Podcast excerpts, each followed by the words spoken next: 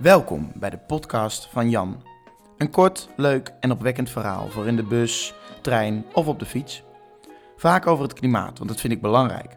Het gaat niet zo goed met deze wereld en daar schrijf ik en vertel ik veel over. Niet om het probleem te benoemen, maar om toe te werken naar een oplossing. Dit doe ik door opwekkende verhalen te maken over alledaagse dingen en gebeurtenissen die mij doen denken aan de uitdaging die we aan moeten gaan. Niet negatief, maar gewoon lekker positief. Veel plezier. De titel van dit verhaal is Verkiezingen voor later. Afgelopen vrijdag kreeg ik in mijn studentenhuis in Utrecht een briefje in de brievenbus, waarop stond dat we op 24 mei mogelijk overlast zouden krijgen van een klimaatprotest. Dit klimaatprotest is opgezet door een groepje bezorgde jongeren en dit valt in de reeks van de klimaatprotesten op 7 februari en 14 maart. Dit klimaatprotest is ook onderdeel van de Global Strike for the Climate. Over de hele wereld wordt er geprotesteerd voor iets heel belangrijks. Ik vind het hartstikke lief dat ze de hele stad op de hoogte brengen dat er mogelijk overlast kan zijn, maar er werd nauwelijks gerept over het feit dat heel Utrecht zich bij deze mars aan moet sluiten. Jongeren uit heel het land reizen hopelijk komende vrijdag naar de Domstad, want dat is nodig. Europa moet eens gaan luisteren naar al deze bezorgde jongeren, zeker in verkiezingstijd. Dat deze week ook de Europese verkiezingen zijn, zou wel eens perfecte timing kunnen zijn. Het is, in, het is in ieder geval geen toeval. Hierdoor zien we ze alweer een tijdje. Die posters met die blanke Hollandse man prominent hangend op een verkiezingsbord. Ik vind die dingen altijd zo in de weg hangen. Het verpest het uitzicht en zo'n poster overtuigt mij nou niet bepaald om wel of niet op een bepaalde partij te stemmen. Maar goed, het zorgt er wel voor dat mensen weten dat er überhaupt verkiezingen zijn. En dat is niet vanzelfsprekend voor de komende verkiezingen.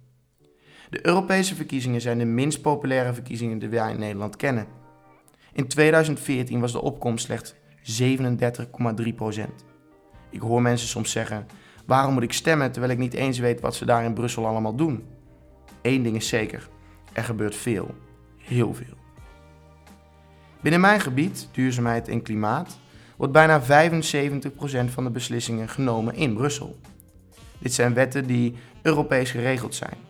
Lidstaten, zoals Nederland, dienen deze wetten of maatregelen dan op te nemen in het nationale beleid. Des te belangrijker dus dat we stemmen op mensen die de maatregelen omtrent dit onderwerp kunnen nemen en bepalen.